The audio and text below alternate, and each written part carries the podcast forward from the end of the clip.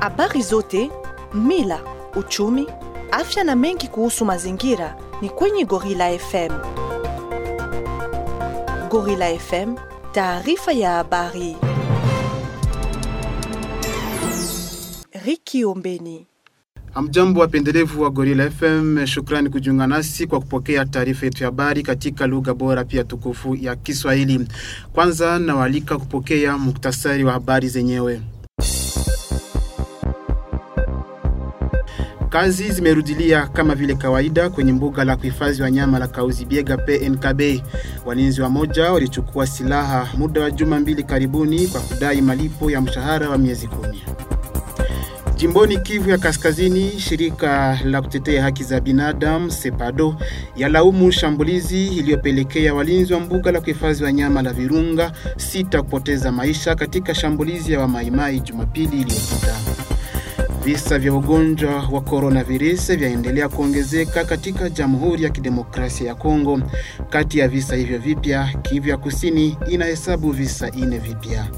Fundi mitambo Aldo Chokola, mimi naitwa Rikiombeni. Asante kujiunga nasi.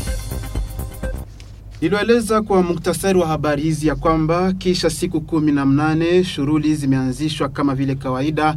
Siku ya kwanza juma hili tunalo kwenye mbuga la kuhifadhi wanyama la Kauzi Biega PNKB, hiyo kisha kuzoroteshwa kwa kazi kutokana na walinzi au waekogarde wamoja waliochukua risasi tangu tarehe makumi mbili na nne Disemba kwa kudai malipo ya mshahara wa miezi kumi unaotolewa na, mfali, na mfadhili.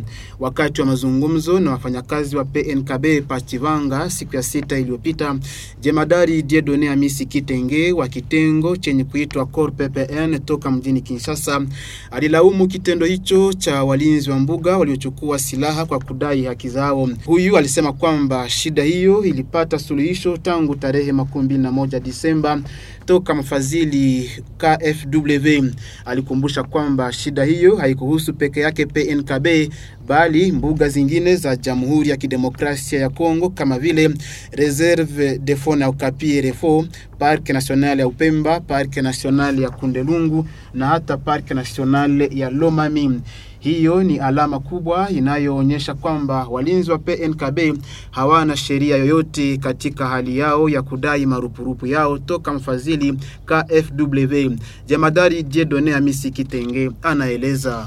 Na inaomba kujua kama kama unasikiwa una, una silaha hawezi kukutetea kama bibi kama civil. Kuko difference ke we paramilitaire na non paramilitaire, même si tunatumika kusite moja, comportement yetu tunapasha kuwa different na hiki niko napeleka habari kwa DGSSN na mimi nafikiri mwaka ya 2021 tarudia tena pa mara mingi kuya kutumika nani pamoja kuonesha mareforme inapatikana leo Bekogard. Hii inaitwa Code de protection des parcs nationaux, matexte na volonté yenyewe eh, gouvernement congolais inapenda kutia msimamo kuba Ecogard yenyewe. Na habari nyingine ya mupe ya mzuri kusema, unajua kama ishile litoka na niongea na DG kusema, unajua ni ba partenaire, nous sommes trop dépendants des partenaires. Gouvernement avec le président de la République alipenda 2021 tumpatie programu ya kujitosha kudependance total ya bapartenere. Tunasikizana?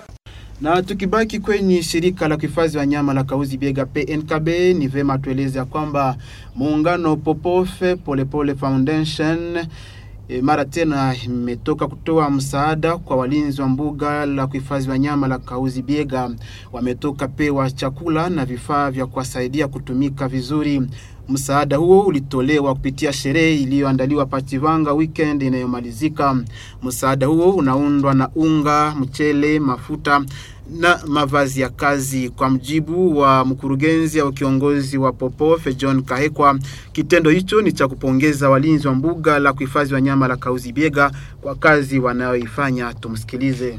Tumekuya na chakula kama vile general amesema, kwa wale wenyewe hawapendi kufanya mabaya njoo wako na droit kuweza kula hii chakula. E, tulikuya na 100 saki ya farine ya muhindi, tulikuya na bido kumi 100 litre ya mafuta ya kupika chakula, tulikuya na 5 saki ya 120 kilo kila moja ya maharagi na mchele. Pia tulikuwa na mil, mil litre ya carburant kuendelesha kazi tunafanya. Sawa, kuna kitu kingine tunafanya hii pen kabe yetu njo ngombe yetu tunakunywaga maziwa, tukiharibisha sefini, hata tunafanya ubandi wa huku na huku me, tukiharibisha ni mubaya zaidi. Tutakuwa lia nyuma bavoise banachunga masite zao mzuri pamoja na community, lakini sisi tutakuwa na lia twende kuangalia na batakoloniza encore une fois. Na katika jimbo jirani ya Kivu ya Kaskazini, muungano wa kutetea haki za binadamu SEPADO inalaumu shambulizi ya siku ya Mungu dhidi ya walinzi wa mbuga la Virunga kwenye eneo ya Ruchuru. Katika tangazo lake la hivi sasa, SEPADO inakemea shambulizi hiyo iliyopelekea walinzi sita wa mbuga hiyo kupoteza maisha na mmoja kuumia vikali. SEPADO inapendekeza walioendesha kitendo hicho washikwe na kuhukumiwa na serikali ya Kongo. Kwa ukumbusho, siku ya Mungu kundi ya wapiganaji Maimai ilishambulia walinzi wa mbuga la Virunga katika doria kwenye eneo ya Nyamitwitwi katika wilaya ya Ruchuru. Katika shambulizi hiyo walinzi au ecogarde sita waliuawa huku mwingine moja kaumia vikali. Taarifa ya habari maipokea toka idhaa ya Kiswahili ya Gorilla FM.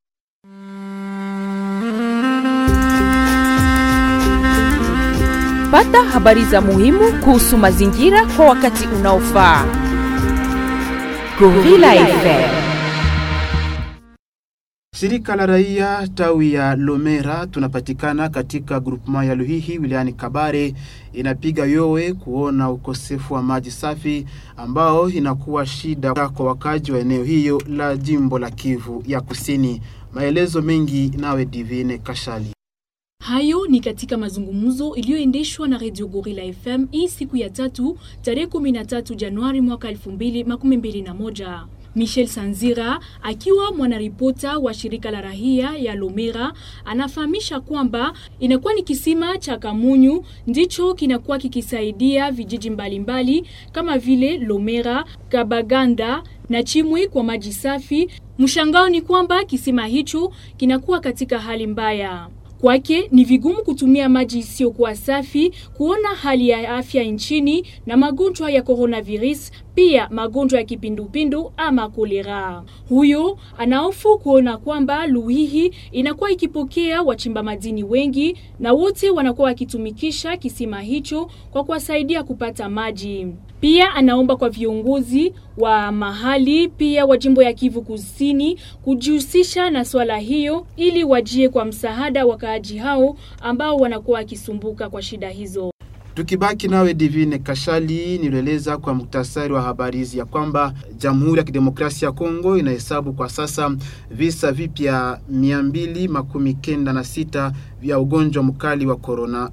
Ni hivyo Rikiombeni, mnakuwa visa mia mbili makumi saba na tatu mjini Kinshasa, kumi na sita Kongo Central, ine jimboni Kivu Kusini na visa vitatu Kasai Central. Tangu kuripotiwa kwa magonjwa hiyo, jimbo la Kivu Kusini inakuwa ikihesabu kwa sasa visa mia ine makumi ine na tano na kutokutembea nyuma ya saa tatu za usiku hadi saa kumi na moja za asubuhi, kuheshimu kanuni za afya inakuwa kati ya lengo ya kupiganisha magonjwa ya coronavirus nchini Jamhuri ya Kidemokrasia ya Kongo. Dize taarifa ya habari tukijielekeza upande wa Kalehe, shirika la raia tau ya Kalehe linapiga yowe kwa viongozi wa mahali kuhusu kuwepo kwa vizuizi kwenye barabara ya taifa nambari mbili inayotokea Bukavu hadi Goma kupitia Kalehe. Katika kibarua walioiandikia viongozi wa wilaya ya Buzi, Mbinga Nord na Mbinga Sida na ambacho kimoja kimetufikia kwenye Radio Gorilla FM,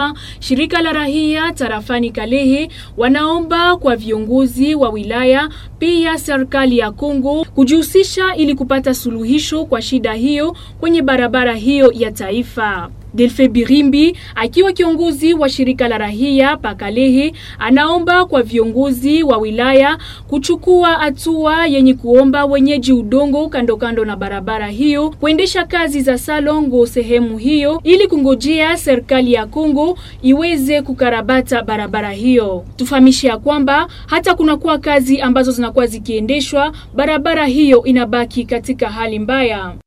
Mpendo msikilizaji wa Gorilla FM, zaidi mpendelevu wa idhaa ya Kiswahili, ni hayo machache ndiyo, ndiyo tumekuandalia katika taarifa ya habari. Kabla tuagane, kawaida nakumbusha kipi cha muhimu tuligusia. Kazi zimerudilia kama vile kawaida kwenye mbuga la wanyama la Kauzibiega PNKB. Tunakumbusha ya kwamba walinzi wa moja walichukua silaha muda wa juma karibuni mbili kwa kudai malipo ya mshahara wa miezi kumi. Jimboni Kivu ya Kaskazini, shirika la kutetea haki za binadamu SEPADO ya laumu shambulizi iliyopelekea walinzi wa mbuga la Virunga sita kupoteza maisha katika shambulizi ya wapiganaji Maimai Jumapili iliyopita. Visa vya ugonjwa visa vipya vya ugonjwa mkali wa coronavirus vyaendelea kuongezeka nchini Kongo ya Kidemokrasia. Kati ya visa vipya, Kivu ya Kusini inahesabu visa ine. Mimi naitwa Rikiombeni, fundi mitambo ni Aldo Chokola. Hadi hapo tunawatakia kuendelea kufuata programu mbalimbali kwenye Gorilla.